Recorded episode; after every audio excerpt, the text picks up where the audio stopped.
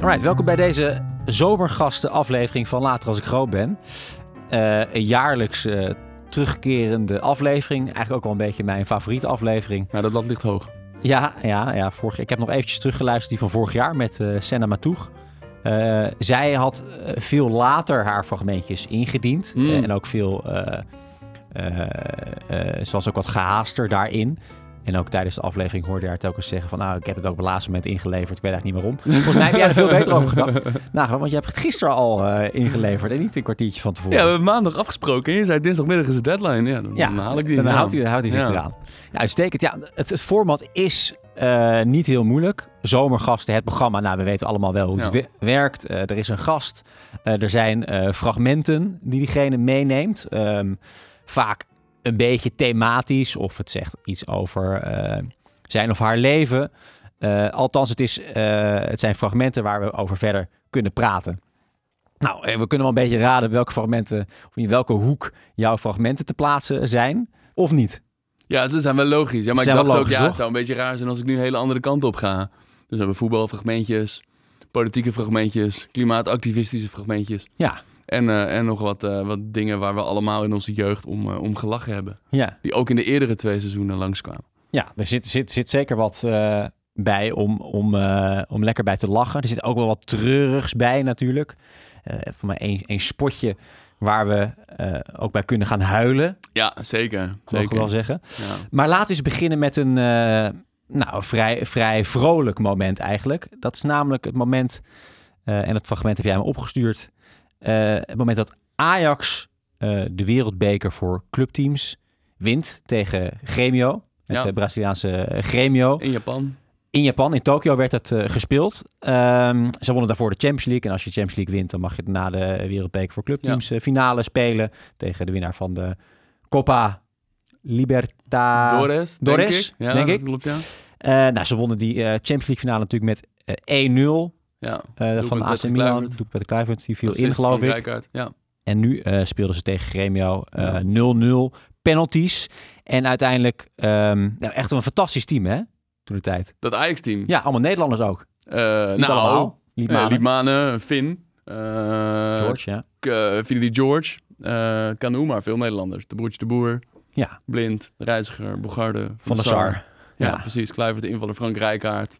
Ja, die speelde die overigens niet in deze wedstrijd, Rijkaard. Oké. Okay. Die speelde wel in de Champions League finale, David, maar niet in deze. Zeedorf, Davids ja. ook nog. Ja. Wat, wat, een middenveld, wat hè? een David, een Zeedorf, Liedmanen. Ja, ja. Dat is echt niet waar. Ik ben een PSV'er, dus ja. ik vind het moeilijk om het te zeggen. Maar het was echt een fantastisch team. Ja. En zij speelden tegen uh, Gremio, werd 0-0. En uh, ja, wil je het fragment inleiden of zullen we eerst maar even gaan kijken? Nou, laten we eerst weer even gaan kijken. 34-jarige Zeeuw, die inmiddels met Ajax alle prijzen heeft gewonnen, behalve deze. Hij doet het en Ajax wint de Wereldcup. Ja, hij schiet hem wel heel mooi in, hè? Hij zit hem keurig in. Links in de bovenhoek. Ja, hij springt in de armen van Van der Sar. En hij, en hij juicht ook echt uh, nog zoals ze dat vroeger oh, deden. Ja, ja gewoon, met, gewoon heel ongecontroleerd. Het, ja. het, is niet ingestudeerd. Nee, Geen, ik denk uh, niet dat... Uh, ik denk niet dat Danny Blind dat die maniertjes had om te juichen, want hij scoorde ook verder nooit. Nee, ja. nee geen vingers in zijn oren, nee. geen... Nee, of wat, maar wat, waarom is dit voor jou een belangrijk fragment? Nou ja, ik bedacht me dat dit mijn eerste voetbalherinnering was. Ik heb net zitten denken, heb ik iets meegekregen van dat we de Champions League wonnen? Volgens mij niet. Ik ben van december 88, dus in 95, dat jaar werd ik 7. Dus ik ben hier, wanneer is het? Dus, uh, ik ben nog net 6, denk ik. Zoiets. En uh, ik herinner me nog dat ik wist dat die wedstrijd was en dat het belangrijk was. En dat er in de school, de basisschool, gelobbyd werd voor, door oudere groepers. Dat we konden gaan kijken. En in mijn herinnering zaten we toen ongeveer met de hele school op van die kleine stoeltjes naar een tv'tje te kijken. of dat helemaal waar is, weet ik niet. Dat zou ik even met vrienden moeten checken of zij die herinnering ook hebben. Maar dat is mijn herinnering. En dat we toen gingen juichen. Het was de eerste gezamenlijke voetbal kijken. Ja. Me, dat ik me kan en was je toen al wel met voetbal bezig? Of ben je met voetbal bezig gaan door dit fragment? Nou, dit toen, zat ik denk ik net op voetbal, want ik was zes. Dus het was mijn eerste jaar op voetbal. Ik denk dat ik hier ook ergens onbewust Ajax-fan ben geworden. En Liedmanen werd toen mijn held. En ik ging de jaren voor het eerst. Ik herinner me vooral dat we in Nijmegen naar voetbal gingen kijken. Dat ik met mijn neef een vlaggetje had. Dat we de hele avond, de, de middag zaten te vlaggen. En mijn, uh, mijn, de familie van mijn moeder komt uit Nijmegen. Eh, en mijn neef was ook voor Ajax geworden, ondanks dat hij daar woonde. Ja. En toen eh, zaten we bij NEC Ajax, aan NEC Ajax, konden we, konden we Liedmanen zien. Ja, en toen is En wel echt toen een, een hele generatie aan successupporters is toen eh, ontstaan, hè? Zeker, maar ik Ja. was successupporter, maar ik woonde ook in, in Weesp, dus vlakbij Amsterdam. Ja, Dus het werd ook regionaal, was het wel een beetje gebonden. ja precies. Ja. En wat ligt dan, wat is dan nog, nog meer? Ja, Almere City had je nog niet. Nee, Almere City had je nog niet. dus dat was lastig. Utrecht was te ver, dus Ja. je had ook niet. Nee, Nee, dit was wel, de- de- een vriend van me werd voor PSV. En dat was later nog heel leuk, begin jaren 2000. Want toen, toen pakte Ajax natuurlijk niks van. Maar Nee. de meeste werden voor Ajax. Ja, ja. Grappig. Ja, ik eh, woonde toen in, in Leiden en daar was ook iedereen voor Ajax. Een paar Feyenoorders en ik werd dan voor PSV. Ja. Ehm, ja, dat waren toch een beetje de clubjes waar je uit kon kiezen. Ehm, en eh, was jij toen ook al helemaal voetbal-minded? Of nee, je was aan het voetballen. Eh, je begon het een beetje te kijken, maar ging je toen ook allemaal dingen erover opzoeken, het volgen, plakboeken, dat Ja, soort ja, dingen? ja, ik had al die Panini-plakboeken. Volgens mij staat er ook in Feyenoord is stom. Staat in mijn 1995 Panini-plakboek. En in 98 het WK vond ik ook. Dat kan me ook nog wel een van mijn eh, eerdere herinneringen. Eh, dat, dat Bergkamp scoorde tegen Argentinië. En dat ik bij de finale na de, rust, na de rust naar bed moest. Maar nog wel wakker was. En mijn vader me ging vertellen dat de Fransen inderdaad met 3-0 hadden gewonnen. En ik denk dat ik toen net het woordgrapje Frank Rijk in mijn hoofd had gemaakt. En ik dus had besloten dat ik voor Frank Rijk was. Want daar zat mijn naam in. Dat vond ik mooi. Ja, ja, ja, ja. Eh, en, in 2000 dat, dat had ik heel eventjes sportjournalistieke ambities. Toen was het EK in Nederland. Dat vond ik echt een gigantisch event. Volgens mij zijn we naar wat onbeduidende wedstrijden gegaan waar je kaartjes voor kon krijgen. Ja. Ehm, en ik ging toen bijhouden, want ik kon heel veel kijken. Ik weet niet, het was denk ik allemaal net naar school. Dus ik ging allemaal de scores bijhouden. Dus doelpunt Jan Koller, assist, netvet of zo. En dat had ik Ja, allemaal ja. opgeschreven. Want ik had wel eens zo'n zo'n boek gezien van zo'n evenement. En daar, daar stond ook niet heel veel meer in dan wie er gescoord had en hoeveel... eh, en wie er een goede wedstrijd speelde. Dus ik had ook wel een beetje ambitie in die richting. Ja. En dat heb ik toen denk ik op een computertje lopen uittypen en geprint. Eh, het is helaas nooit uitgegeven. Nee. En ik ben ook nooit journalist geworden. En eh, dat is ook wel terecht, denk ik. Maar, eh, maar je was al wel, ook wel, wel inhoudelijk bezig met de sport. Niet alleen maar kijken, maar je wilde er ook iets mee doen. Ja, ik, vol, ik volgde het gewoon super intensief. Ik vond het echt heel belangrijk. Ik wist ook heel veel. Ik denk dat ik nog... Nou, die is niet helemaal mee waar, maar... Dat ik lang veel meer spelers eh, van de Eredivisie uit 1999 kon opnoemen dan uit eh, 2021. Want eh, ja, die kende ik gewoon allemaal. En ben je dat ook altijd blijven doen? Ben je altijd het voetbal blijven volgen? Want ik, weet, ik was vroeger zelf ook heel fanatiek. Volgde alles. Ik speelde online soccer manager. Ja, ja. Ik, wist, eh, ik kocht aan het begin van het seizoen die, die, die VI... eh, met, met alle spelers erin die na een maand alweer ja. outdated was. Maar op ik, ik kan me herinneren dat op een gegeven moment was mijn studententijd. Toen heb ik eigenlijk veel minder gevolgd en daarna heb ik weer een beetje opgepakt. Hoe is dat bij jou gegaan? Ja, ik denk ook wel. Een beetje in de middelbare school op een gegeven moment wat minder. De studententijd wat minder. Ajax deed ook minder, hielp ook niet. Eh, toen ging Ajax natuurlijk de afgelopen jaren weer goed doen. Dus was het leuker. Er waren er ook wel meer sociale... Ja, was het, was het gezelliger. Ging je weer vaker met vrienden kijken. Woonde Ja. ik in Amsterdam. Eh, dus ik denk eigenlijk hoe, dat ik toen ik het druk op werk kreeg... ik gewoon meer behoefte kreeg aan domme afleiding. Ja. dan aan bijzaken die je een beetje belangrijk kon maken, maar het eigenlijk niet waren. Ja, toen werd ik wel weer, weer fanatieker. Ik volg het nu wel. eh, en nu sta sta ik mezelf ook toe. En ik, ja, maar dit is goed voor mijn werk. Ja, ja dus die, vier jaar eh, Frank de Boer kampioen, eh, die is redelijk als, een, als, als een waas aan je voorbij gegaan. Ja, daar was ik ook blij mee. En toen Ja. ben ik ook misschien nog wel eens een keer naar een huldiging gegaan. Dan ging ik af en toe naar een wedstrijdje. Maar nu ben ik... en nu kan je het ook allemaal weer live kijken. Dat maakt het ook makkelijker voor de thuissupporter. Ja. Dat je gewoon een live wedstrijdje gaat kijken en met vrienden gaat appen. Ja. Het is weer makkelijker geworden. Een ander eh, vormend eh, programma, denk ik, voor heel veel eh, mensen van onze generatie.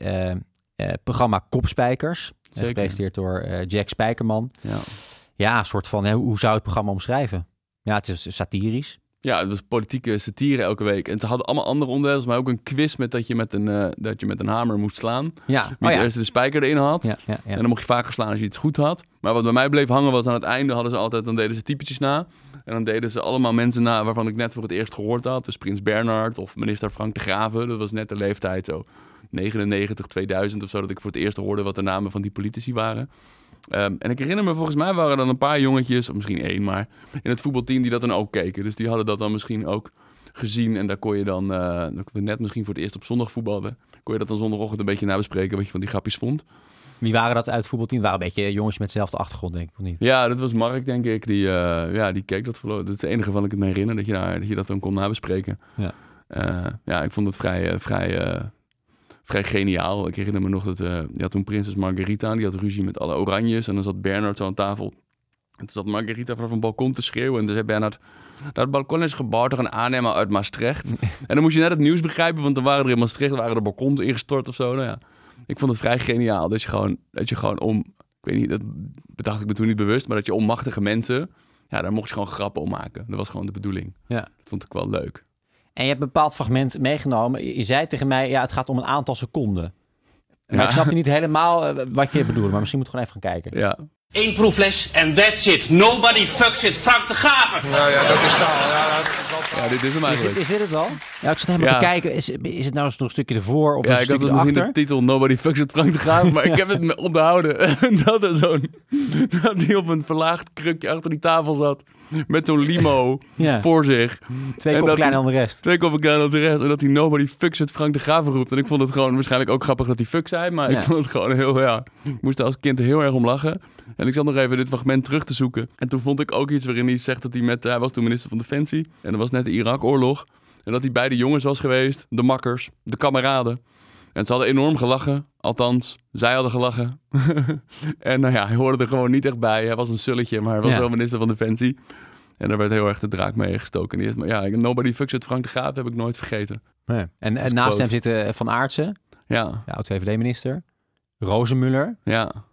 Die is er nog, hè? Ongelooflijk. Die is er nog, ja. Ja. Wat doet hij tegenwoordig Nee, eigenlijk? hij werd vandaag bekend. Hij gaat de GroenLinks P van de A Senaatsfractie leiden. Ah, Ja, kijk. Ja. Nou, helemaal back in the game. ja. Interessant. En, en oké, maar dit heb je dus onthouden. De- deze zin specifiek. Ja. Misschien wel omdat hij fuck zei, maar Ja, ook gewoon dat omdat het natuurlijk grappig. ja, sommige dingen uit je jeugd die herinner je Ja. nou eenmaal. Is, is, is er nog zoiets vandaag als, als kopspijkers? Is er, is er een, een programma dat er een beetje op lijkt? Nee, volgens mij niet. Dus zij hebben nog Koevenoen gedaan. En het draadstaal ging typetjes doen, maar al geen BN'ers meer. Je hebt volgens mij op... Ja, ik heb de Carlo Boshart typetjes nooit echt gevolgd. Nee, dat is eh, de tv-kantine. Ja, precies. Ja. Ik, ik weet niet, Het je wordt nog... niet echt meer gedaan, hè? Nee, het is wel jammer, want ik vond het wel heerlijk dat, we- dat de BN... Ja, Ja. misschien is het eh, niet... het- Past het nog wel bij, bij deze tijd? Het was natuurlijk ook wel een beetje een, een sloomprogramma. Als je Ja. het vergelijkt met wat er nu wordt gemaakt. Ja, je moet het misschien sneller maken, maar het idee dat je die mensen nadoet.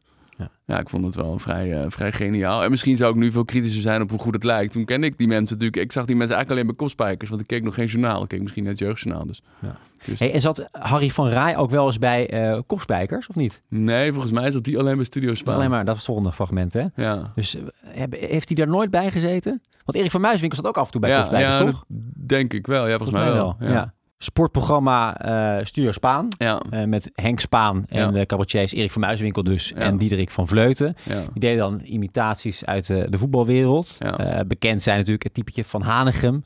Ronald Koeman deden ze ook. Maar dus Anton alle- Geesink. Anton Geesink inderdaad. Ik heb een brief gekregen over de statuten en de reglementen. Nou ja, je, kan, Ja. je, je zou zelf het gra- programma moeten beginnen. je moet even Jack Spijkman weer een mailtje sturen. en dan met dan niet draaiende ogen, maar dat hoeft niet in een podcast. Nee, dat hoeft niet. Ja. Eh, maar, en dus ook met die, eh, met die Van Rij. Ja. Harry van Rij, eh, de voorzitter, de oud-voorzitter, inmiddels overleden Ja. eh, van eh, PSV. En dit fragment wilde jij laten zien. Waarom? Ja, nou, er is eigenlijk een fragmentje. Hier, heeft hij het, hier verwijst hij naar het fragment wat ik zocht. En dat staat denk ik niet op YouTube. En je krijgt Harry van Rij te zien. Maar je krijgt Harry van Rij Erik van Muiswinkel. door Erik van Muiswinkel.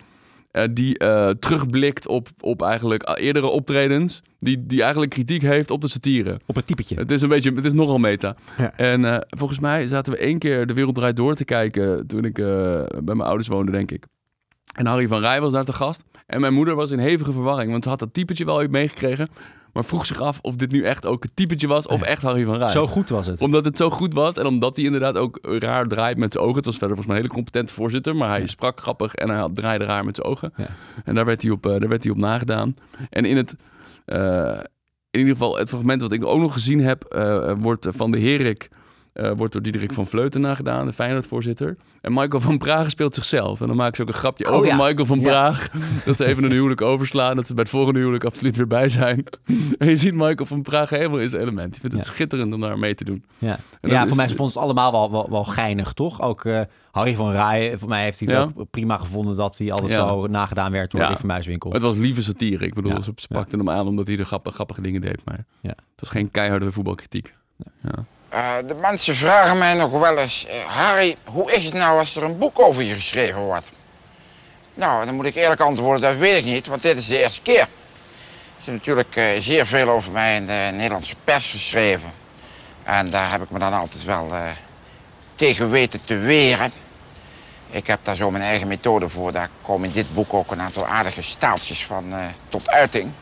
Wat ik natuurlijk wel weet is hoe het is om geïmiteerd te worden. Ik moet zeggen, het deed me eigenlijk niet veel. Ik vond het wel, eh, ja, in zekere zin wel geestig. Als eh, die jongen op die manier zijn geld moet verdienen, dan eh, moet hij dat vooral doen. Maar ze legden mij voortdurend daar bij die spaan.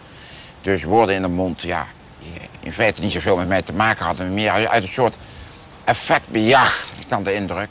Want dan had ik het altijd over de drie V's in dat programma. Dus bij PSV, vriendschap, vertrouwen en fanatisme.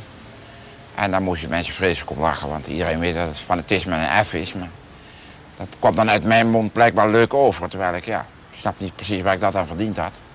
De zes V's heb ik ook wel eens over gehad. Van den Herik, Van Praag, Van Rij en de voorzitter van Vitesse. Nou, ik heb ze geteld, maar er zitten volgens mij zelfs nog meer V's in. Dus het klopt ook in zekere zin nog niet eens. Maar een boek, dat is natuurlijk even heel wat anders. En dit boek voldoet volledig aan de drie P's. Het is prikkelend, het is pakkend en het is betaalbaar. Prikkelend, pakkend en betrouwbaar. Ja. En de zes feesten zitten zelfs nog meer feesten in. Volgens mij klopt dat ja, wij niet. telden mee. Nee, volgens mij nee, zitten we telde op mee, zes. mij wel zes feesten. Van Praag. Van, Ja. ja. Ja, nee, de- ik heb dat is ook één quote die ik zo onthouden heb. Dus ik ben zelfs een keer met mijn vader naar het Olympisch Stadion geweest, waar dit werd opgenomen, naar zijn opname. Wat ik hoogst indrukwekkend vond. Toen kwam ik ook voor het eerst in aanraking met het diversiteitsbeleid van de publieke omroep. Want er waren misschien drie vrouwen in het publiek en die werden allemaal voor aangezet. Eh, dat vond ik, ook, vond ik ook opmerkelijk. En Erik van der Leur was de gast, de, de, de Roda-ster. Ja. Normale Roda middenvelder. Ja, ik vond dat echt, echt bijzonder om bij te zijn. Dus ik was wel aangetrokken tot dat wereldje van die comedians en zo. Dat vond ik wel schitterend. Ja, ja. En, en eh, er gebeurde toen ook eh, veel met, met voetbal en satire. Hè? Het was, eh, Ja. dat, heb je nu, dat heb je nu eigenlijk niet meer.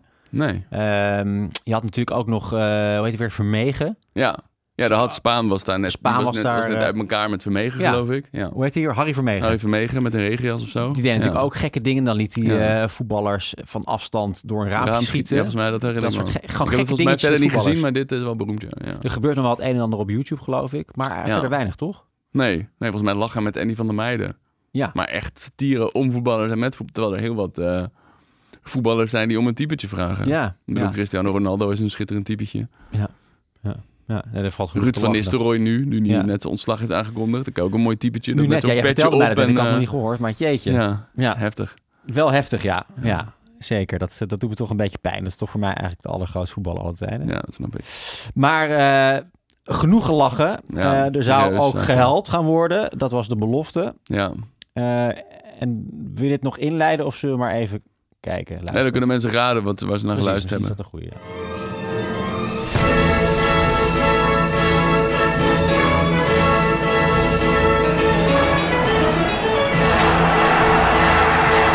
We light up the football.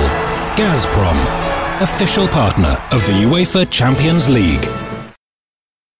Nou, los van wat je daar ook van vindt, is, het is wel een geniale reclame natuurlijk. Het is een heel soepel spotje. Ja, we Ja. light up the football. Ja, en eh, schitterende, schitterende muziek, heel bombastisch. Met Tchaikovsky. Wat natuurlijk ook heel erg klopt met, volgens mij kwam de Champions League tune, dit is nu de Champions League tune, maar kwam terug bij de kroning van Charles. Dat is dus zo'n klassiek muziekstuk dat hij ook bij die eh, rituelen hoorde. Ja. Maar goed, ik neem aan dat jij dit in en in triest vindt. Want dit was eh, een campagne van Gazprom in was het, 2017. Ja, Eh, partner, waarschijnlijk hoofdsponsor ja van de Champions League. Champions League. Ja, Eh, dat zijn ze inmiddels niet meer. Maar goed, Nee. als je nu kijkt naar de sponsor van de Champions League, ja, er zit ook nog gewoon Turkish Airlines tussen. Ja. En wat is dat Oppo nou? Oppo? ja dat is, weet ik niet, accounting of consulting of zo. Ik heb het Ja, opgezocht. dat is- het was dat is- saai en waarschijnlijk nou, niet per se onschuldig, maar niet fossiel. van- Ja, Ja. nee, oké. Ja. Maar goed, ja, is het iets wat je het afgelopen jaar hebt opgeduikeld of eh, viel dit je toen al op? Ik denk dat dit me toen zo half opviel. Dat ik dacht, ja, dat slaat natuurlijk nergens op. En toen ging ik gewoon weer voetbal kijken. Ik was daar niet super door, eh, door geraakt of zo. Maar ah, achteraf is het natuurlijk bizar. Toen was het ook al ja, bizar dat zo lang het belangrijkste Europese voetbaltoernooi dacht... Russisch eh, olie- en gasgeld. Dat is gewoon echt helemaal prima. En dat de andere Europese bonden ook dachten dat het prima was. Pas natuurlijk gewoon heel erg... Nederland vond het toen prima, Duitsland vond het toen prima. Dus het is geopolitiek gezien logisch. Maar het was heel raar. En het duurde natuurlijk nog best lang of de oorlog in Oekraïne, de nieuwe inval, was denk ik vijf, zes dagen onderweg voordat UEFA de banden met Gazprom verbrak. En daar waren ze vrij laat. Ik denk dat er heel wat dwingende telefoontjes vanuit Brussel zijn geweest om dit, uh, om dit te doen. Um, en ze deden het heel strategisch. Hè. Ze zaten, waren ook hoofdsponsor van Sint-Petersburg waar de Noord Zenit Sint-Petersburg, waar de Nord Stream gaspijpleiding uh, begon. Hm. En dan ook bij Schalke, het roergebied, waar het uh, verwerkt werd. En bij Schalke was volgens mij, ik weet niet of Gerhard Schreuder daar nou een belangrijke meneer was, of dat, of dat Schreuder toevallig fan was van Dortmund. Uh, maar goed, uh, daar speelden ook allemaal daar belangen mee. En dan gingen ze gewoon om, ja, om de hearts en minds van de lokale bevolking te winnen, gingen ze dat sponsoren. Uh, en eigenlijk was die reclame helemaal niet voor ons bedoeld, want wij konden helemaal geen Gazprom-contract afsluiten. Dit was voor de, voor de mensen, voor Jonker en zo in Brussel bedoeld. Zodat zij dachten, nou ja, positieve associatie met Gazprom kregen. Die horen er gewoon bij, onderdeel van Europa. Proberen we eens even te bedenken hoe dit dan ontstaat. Want het is, aan de ene kant is het natuurlijk een, een fossiel bedrijf. Nou ja dat, dat, speelde waarschijnlijk toen nog helemaal niet in de wereld. Speelt nu nog steeds natuurlijk vrij weinig. Ja. Maar het is ook gewoon een, een, een Russische partij. Ze hadden de Krim toen al uh, ingenomen. Het was best wel discutabel ook. Die, die, die, die, pijplijnen hadden we op zich ook onze bedenking al wel een beetje bij. Hoe kan Amerika. het dat de, de, de, Champions League, eigenlijk het, het mooiste voetbaltoernooi van de wereld, dan zich laat sponsoren door zo'n partij? Ja, maar ja, ik denk omdat ze, het, uh, omdat ze heel veel geld op tafel legden. Uh, ik denk dat de Russen gewoon hier goed over nagedacht hadden. Ze moesten de ja, ze moesten Gazprom geloofwaardig laten lijken en normaal en erbij horend en een prestigieus merk. En dat werkte zo. Um, en ze kregen er gewoon, denk ik, weinig, weinig kritiek op. Het gebeurde gewoon. En uh, Brussel zei er niks van. En niemand zei er iets van. En dan ga je gewoon voor de hoogste bieder, denk ik. Heeft daar toen niemand wat van gezegd? Jawel, dat denk ik wel. Maar ik volgde dat toen niet echt. Ik heb, dat niet, ik heb wel een stukje teruggevonden dat zelfs Voetbalzone hele artikelen had over helemaal uitgelegd had waarom Gazprom dit precies gedaan had. En dus ook dat hele verhaal van Sint-Petersburg tot aan, uh, tot aan uh, het Roergebied. Uh, ja, wat, hun, wat hun strategie was. Dus ik denk dat er toen ook wel kritiek op was, maar nou, niet genoeg. Dus er was ja. wel een behoefte aan wat meer activisme. Ja, ja dit is niet jouw uh, awakening geweest. Nee, het was wel ja. zo dat toen ik, me, toen ik dit idee kreeg van Fossil Free Football, dat was denk ik een half jaar voordat Gazprom eruit stapte. Dus ik wist wel, oké, okay, dit is het allerergste voorbeeld. En dit snappen mensen ook meteen.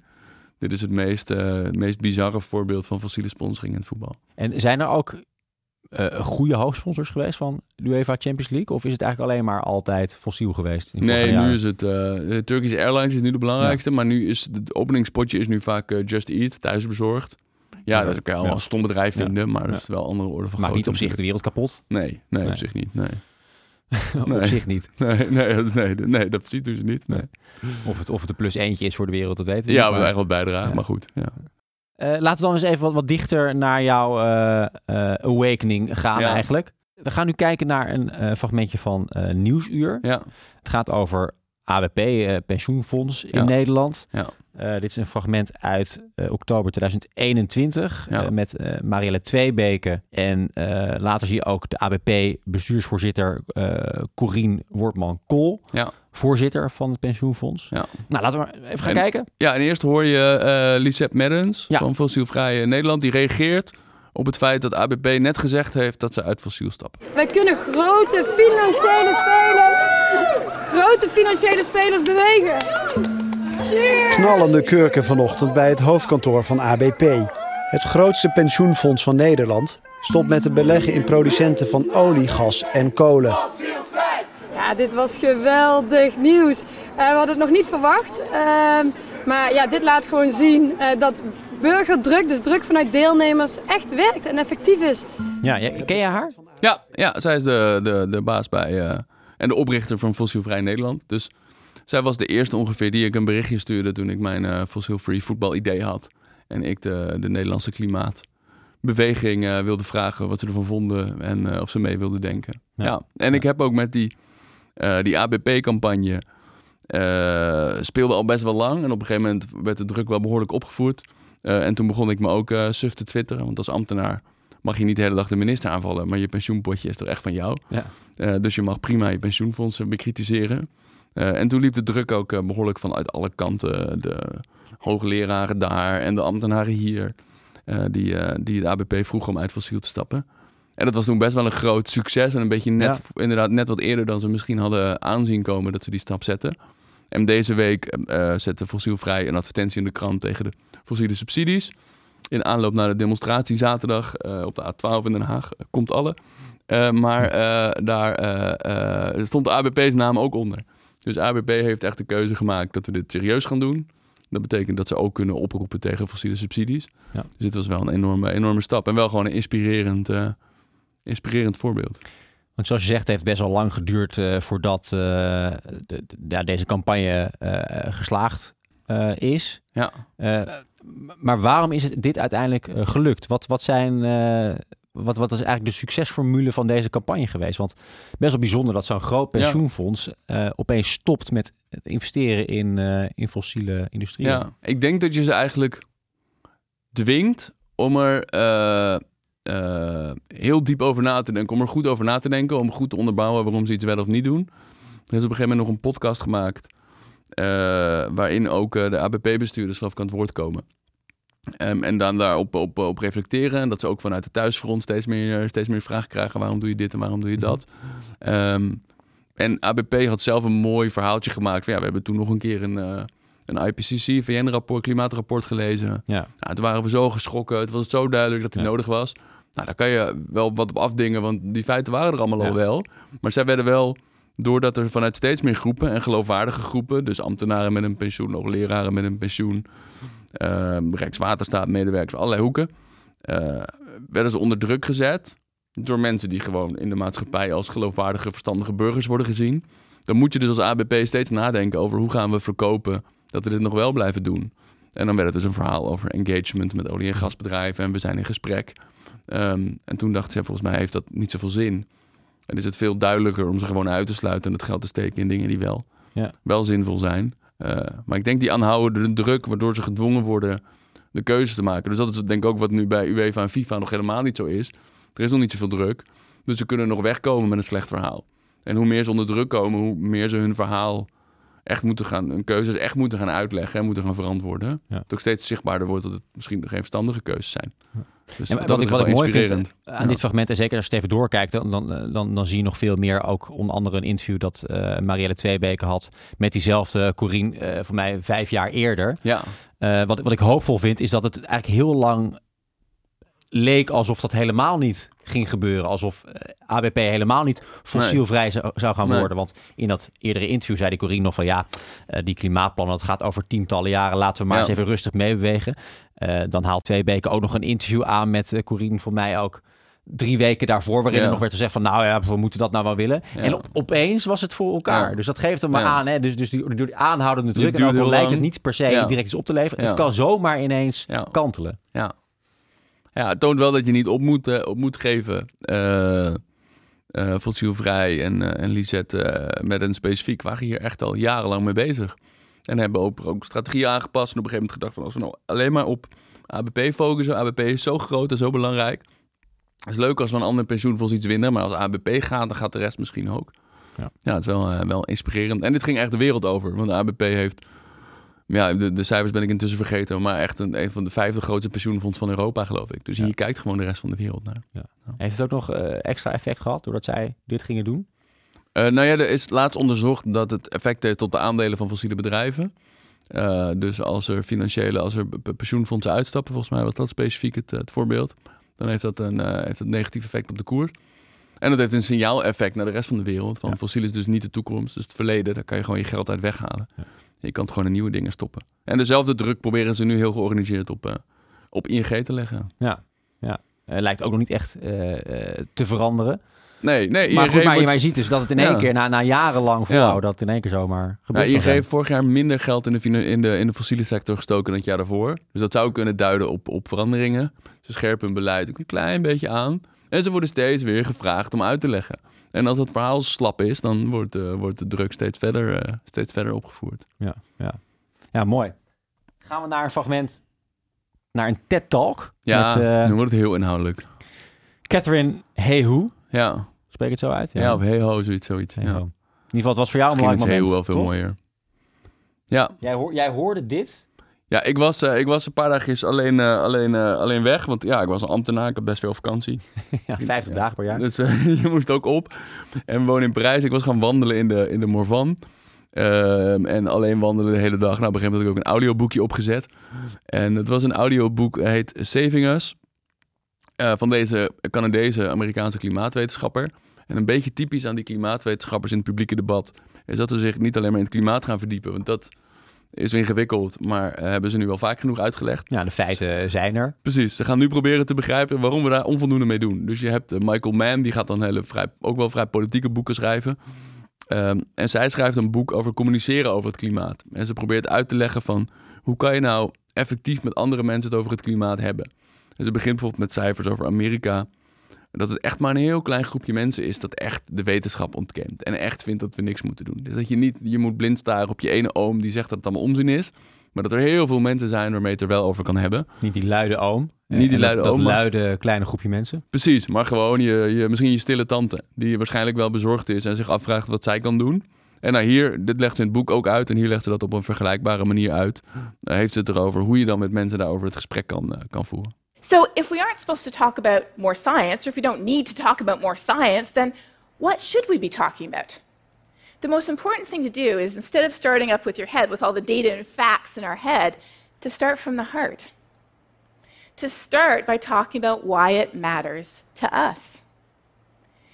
To begin with genuinely shared values. Are we both parents? Do we live in the same community? Do we enjoy the same outdoor activities? Hiking, biking, fishing, even hunting? Do we care about the economy or national security? For me, one of the most foundational ways I've found to connect with people is through my faith. As a Christian, I believe that God created this incredible planet that we live on and gave us responsibility over every living thing on it. And I furthermore believe that we are to care for and love the least fortunate among us, those who are already suffering the impacts of poverty, hunger, disease, and more. If you don't know what the values are that someone has, have a conversation, get to know them, figure out what makes them tick. And then once we have, all we have to do is connect the dots between the values they already have and why they would care about a changing climate. I truly believe, after thousands of conversations that I've had over the past decade and more, that just about every single person in the world already has the values they need to care about a changing climate. They just haven't connected the dots. Ik was dit aan het luisteren en ze had een mooi voorbeeld van iemand die zei ja, die, die tegen haar uitlegde hoe die probeerde de evangelische kerk in Amerika mee te krijgen. En zei ja, als we die maar, als die maar omgaat en serieus over het klimaat gaat praten, dan, dan bereiken we zo'n grote groep die er nu niks van moet horen en de wetenschap ontkent. Maar het lukte hem maar niet om de mensen daar te overtuigen. En toen vroeg ze hem, ja, ben je zelf eigenlijk ge- gelovig? Zit, zit je bij die kerk? Zei hij nee, hoezo? Dus ja, dan is het natuurlijk, jij gaat ze niet overtuigen. Dit is niet jouw wereld. En ik had die tijd al eh, wat stukjes gelezen over voetbal en klimaat. En die had ik ook wel eens naar vrienden doorgestuurd. En daar kwam een beetje een lauwe reactie op van, nou ja, het zal wel. Eh, verder allemaal mensen die het allemaal gewoon serieus nemen. Maar toen dacht ik, die voetbalwereld is heel belangrijk. Er zitten heel veel vieze sponsoren. Die voetbalkalender wordt alsmaar uitgebreid. Ik hou van voetbal, ik ben voetbalfan. Ik ben geen insider in het voetbal. Ik heb daar niet een gigantisch netwerk, maar ik vind het leuk en, en, en het is een onderdeel van mijn leven. Die klimaatactivisten zijn geloof ik voorlopig nog niet bij voetbal aanbeland. Ze moeten nog eh, eerst de pensioenfondsen, toen de banken. Eh, ze zijn druk met allemaal, allemaal grote bedrijven. Ze zijn ook wel druk met de culturele sector, omdat ze daar misschien wat dichterbij staan. Ja, voordat die fanatiek met het voetbal bezig gaan, duurt nog wel even. Dus toen klikte het bij mij, ja, dit is iets waar ik van hou, waar het klimaat een enorme impact gaan hebben, gaat hebben en al heeft. En waar er hele grote problemen zijn. Dus misschien wil ik daar wel wat mee doen. Dus het was echt, eh, ik had echt een eh, Eureka-momentje. Ja. Dit hadden mensen eerder bedacht, maar eh, mijn Eureka-momentje was naar haar luisterend. Ja. En die eh, dots connecten. Ja, maar tegelijkertijd zeg je eh, dus dat je soms ook de taal moet spreken van de mensen die je wil overhalen. Eh, of dat je misschien een gemeenschappelijke identiteit moet hebben. Ja. Of je nou hetzelfde geloof aanhangt of misschien zelfs Ja, profvoetballer bent. Dat, en dat ben je natuurlijk niet. nee. Wat, wat merk jij nu in die wereld? Spreek je een beetje dezelfde taal van de mensen die je spreekt? Of denken ze, hé, wat die wie is deze vreemde diplomaat, voormalig buitenlandse zakenmedewerker, die mij eens gaat vertellen hoe wij onze wereld moeten veranderen? Ik denk dat omdat het voetbal van zoveel mensen is, dat mensen niet heel snel durven te roepen dat je een outsider bent. Dat zeggen ze snel tegen vrouwen. Kijk maar naar vrouwelijke KVB-bestuurders. Die worden natuurlijk door Derksen heel hard aangepakt. Toen eh Derksen het eh, mij op de radio had gehoord eh, over, over toen die actie met, met Ronald Koeman. Mhm. En dat ik mijn treinticket ging brengen. Toen had ik ook even uitgelegd wat het probleem was met fossiele sponsoren. En toen ging Johan Derksen dat vrij goed uitleggen. Namelijk, eerst mocht het ene niet, en roken en drank, en nu mag dit niet. Nou, een heel goede uitleg. Toen bleek hij er ook tegen te zijn, maar ik was blij dat hij het zo goed had uitgelegd. Ehm, maar hij pakte mij niet aan op wie is deze jongen eigenlijk, Nee. waar komt hij vandaan. Dus ik denk dat, dat ik profiteer van het feit dat, eh, dat seksisme en racisme geen manieren zijn om me aan te pakken. Ja. Ehm, dus het valt tot nu toe wel mee. Maar ik denk, En je tuurlijk, richt als insider natuurlijk kan je wel, meer richt natuurlijk wel een beetje op mensen met, met invloed. eh, die iets te zeggen hebben in de voetballerij. Het is niet per se dat Ja. jij de, de, de, de, de voetbalhooligan die, die, die zes bier achterover slaat en een Nee. eet, wil Nee. overtuigen. Nee, ik, eh, nee, er was van, van de week had FC Dordrecht de eerste klimaatneutrale wedstrijd. Toen noemden ze die. Ja. Eh, tegen Top Ja, Os. het En was niet echt. Nee, neutraal is een beetje een ingewikkelde term. Maar het was een hele groene, duurzame wedstrijd. En dat Goeie was hartstikke goed. Zeg je? Het was een goede poging. Het was een hele goede poging. En, en het ging tot aan het, eh, tot aan het eh, vlees op het broodje. Nou, dan wordt het natuurlijk altijd cultureel en gevoelig. Dus er waren op de, op de NOS-postjes op Twitter waren heel veel zure reacties. Toen heb ik ook maar wat positieve reacties onder gezet. Zodat de mensen die het wel leuk vonden ook iets te liken hadden. En dat, Ja. dat, die, die likes stroomden ook wel binnen.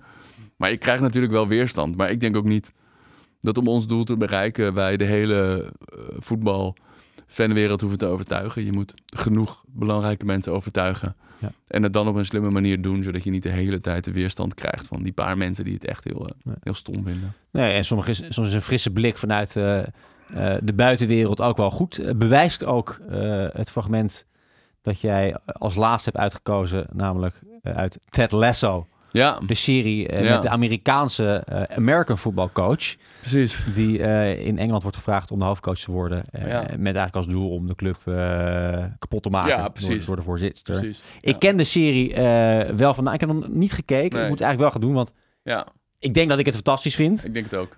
Waar gaan we naar kijken? We kijken naar Sam Obisanya, een, een Nigeriaanse speler van AFC Richmond. En een hij- fictieve club in eh een fictieve, fictieve Engelse, Engelse club in Ted Lasso. En ehm, hij heeft net een spotje opgenomen voor de hoofdsponsor. En hij is net gebeld door zijn vader. Eh, die heeft uitgelegd dat die hoofdsponsor in Nigeria eh, verantwoordelijk is voor hele vieze, vieze projecten en daar hele, hele nare dingen investeert. Het doet een beetje aan Shell denken, eerlijk gezegd. Een soort investeringen, het soort verhaal. Ehm, en hij denkt dan, ja, wat moet ik hiermee? Shit, hij schaamt zich. Ik heb net dat spotje opgenomen. Eh, ja, wat moet ik hiermee? En hij staat in de kleedkamer vlak voor, eh, vlak voor een wedstrijd. What, the buyer not paying you enough? No, no. Dubai Air is owned by a horrible company. One that has turned the southern coast of Nigeria, my home, into a hellish, fiery swamp. I can no longer wear their name on my chest. Never again. Give me the tape, bro.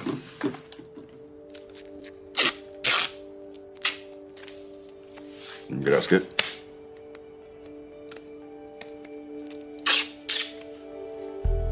Hey, listen, I'd not expect you all to do this. But I hope you understand why we, as Nigerians, must. Want me to tape? What do you think you're doing? We're a team, aren't we? Gotta wear the same kit.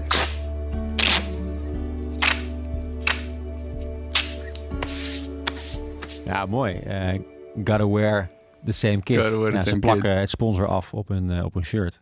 Ja, en eh, deze jongen die, eh, eh, die kiest dit te doen, is ook is, is een beetje een, lijkt een lieve jongen. Maar ja, blijkt op zich wel een lieve jongen in de serie, maar is ook een beetje de ijdeltuit met een grote bek en eh, behoorlijk arrogant.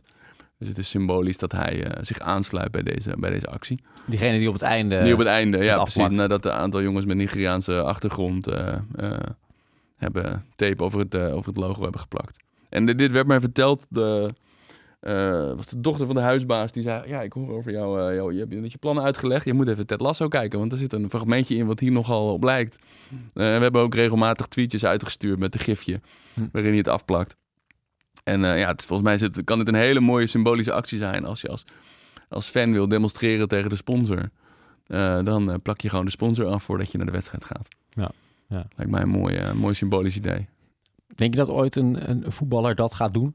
Ja, wie weet, nu is het niet logisch. Dan gaat het niet snel gebeuren, denk ik. Maar eh, we gaan vast nog een keer eh, de perfect storm eh, krijgen.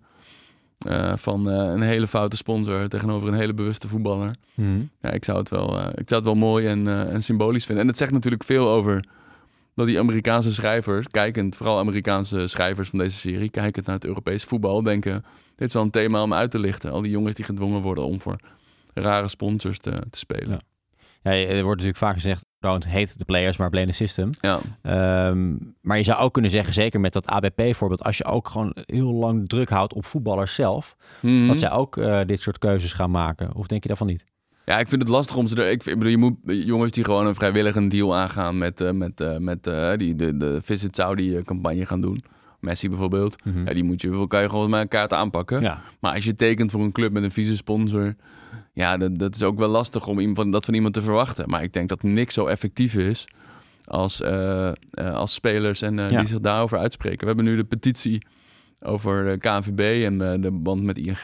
En ING gebruikt de KNVB natuurlijk om te laten zien hoe ontzettend vriendelijke, sportieve, sociale bank ze zijn en hoe Ja. leuk. En geven allemaal geld. dat moet voldoen aan allemaal hele progressieve, inclusieve voorwaarden voor amateurclubs. Eh, dus we hebben een petitie waarin we de KNVB oproepen daar wat van te zeggen. Van al de fossiele investeringen van, eh, van ING. Nou, die, is nog, eh, die moet nog een beetje op stoom komen. Maar Tesselmiddag, onze, onze, de vorige podcast, Ja. gast, onze bondgenoot in, in Glasgow, had al het linkje naar de petitie, de petitie gedeeld. En ik denk als zij, ja, zich, zij en andere spelers zichtbaar maken, wij vinden hier ook wat van. Wij vinden ook dat de KNVB verantwoordelijk moet zijn, verantwoordelijkheid moet nemen. Dan komt het natuurlijk wel dichterbij. En dan, ik denk dat dat wel indruk maakt. Eh, ja, zoals je in het fragment ziet, hoeft er ook maar één te zijn binnen Ja. zo'n team die de rest aansteekt. Dat- Exact. ja. Exact. Dus ik, ik eh, moet er ook niet te skept, eh, hoe niet zeg je dat? Niet, eh, we kunnen best hoopvol zijn over dat het in dat dit een keer gaat gebeuren. En zeker, eh, ja, Gen Z staat ook op het voetbalveld nu. Eh, en die zijn hier best van bewust. En er zullen ook wel voetballers zijn die daar zich best van bewust zijn. En misschien gaan er wat vrouwenvoetballers heel erg ver vooruit lopen. En dan kunnen een aantal mannen misschien, eh, misschien rustig volgen. Ja. Maar ik denk dat deze clash wel steeds duidelijker wordt. Ik bedoel, als je nu... Dan moet je niet gewoon zaterdag een, een snelweg blokkeren waar een, spelersbus overheen moet. Ja, ja, ik heb die spelersbus zo in Parijs zo langs me zien rijden. en toen zagen ze misschien het, het, het, het, het treinticketbordje Ja, ja, in mijn, fiets, eh, in mijn fietskratje liggen. Maar ja, dat weet, dat weet ik niet. Maar eh, rond een heel zichtbaar eh, event met hele vieze sponsoren. Een beetje, een beetje aandacht vragen lijkt me wel goed, ja. Nou, als een spelersbus Ja. gewoon een uur te laat aankomt, Ja. dan hou je het nieuws wel. Ja. Ja. Ja, de vraag is... spelers ook zelf over nadenken. Ze hebben natuurlijk met eh, Just Stop Oil is het veld op gegaan en is vastgebonden aan de, aan de doelpaal in Engeland. Ik denk dat dat de moeite waard was voor de aandacht. Maar er is wel een risico dat heel veel voetbalfans zich heel erg tegen jou keren. En je hebt denk ik ergens nog voordeel dat die voetbalfans ook helemaal niet zoveel hebben met de bonden, met het systeem.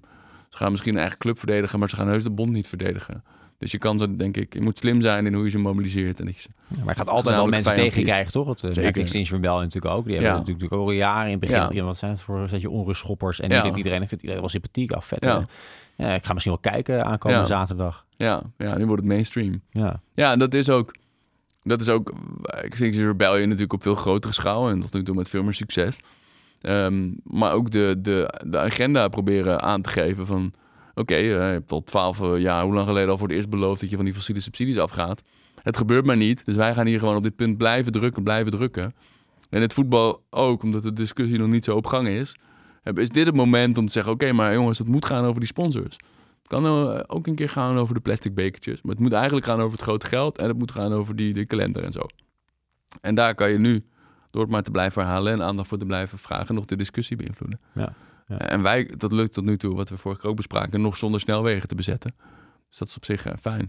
Grappig dat je dus eh, begon met het kijken van Ajax in eh, de wereldbeker voor clubteams finale.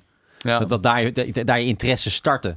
Ja. Dat je uiteindelijk nu in deze wereld actief bent. Best wel grappig toch? Dat, je dat, Ja. dat het zich zo heeft ontwikkeld. Heel, voor mij ook echt super onverwacht. Ik had nooit gedacht dat ik ook maar iets in het voetbal zou doen. Ik heb nog wel eens, ge- ben nog wel eens scheidsrechter geweest in de jeugd, mijn KVB-diplomaatje gehaald. Dat was nog het dichtste bij, zeg maar. Ik had, misschien, ik had in ieder geval relatief meer talent voor scheidsrechter en er is veel minder competitie dan voor echt voetballen. Daar ben ik gewoon vrij slecht in. Ik had echt niet verwacht dat ik in die voetbalwereld terecht zou komen. En Ja. toch op een inhoudelijke manier. Hè? Zoals je vroeger inderdaad eh, die, eh, die cijfers opschreef.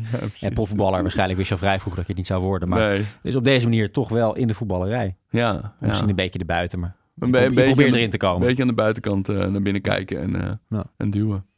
Mooi. Dankjewel Frank voor deze bedankt. aflevering en de mooie fragmenten. Ik heb ervan genoten. Ik hoop jij ook. Zeker. Ik vond het ook leuk dat we net als bij de VPRO op zo'n caravan in het water zaten. Schitterend decor. Het is jammer dat de mensen dat niet zien bij een podcast. Ja. Schitterend. Hebben het helemaal Zomergasten decor. Ja, ja. En je mocht roken ook. En ik mocht ook zoals, eh, roken. we hebben flink gezopen ook de hele tijd. ja. Ja. En, en nog even filmtippen natuurlijk. Moet ik nu een film tippen? Ja, dat was, sorry, je was vergeten om te zeggen Oh ja, van tevoren. ehm, Eigenlijk moet je een film tippen. Ja, Ted Lasso moet je gaan kijken, toch? Ja, dat wilde Geen ik film, gaan zeggen. Je- Ga zeker Ted Lasso kijken. Ook als je niet van voetbal houdt. Het, is een, het begint nog heel comedy-achtig. Het blijft grappig, maar het wordt steeds meer een, eh, een lichte dramaserie. Ja, het is een mooie serie. Volgens mij is hij ook... Hij is woke, maar dan hebben mensen het niet door. Dus Mitt Romney vond hem ook leuk. ja. En had misschien helemaal niet door dat hij Nee. eigenlijk heel woke was. Eh, dus nee, is een hartstikke, hartstikke... Zeker een tip. Moet je even een Disney Plus abonnementje afsluiten. Nee. Of weet ik veel waar je verder je Downloaden series bij je haalt. favoriete torrents. Ja, precies. precies, precies. Ja, Blijft natuurlijk wel een beetje piraten, hè? exact. Alright, hey, eh dankjewel Frank. Ja, bedankt.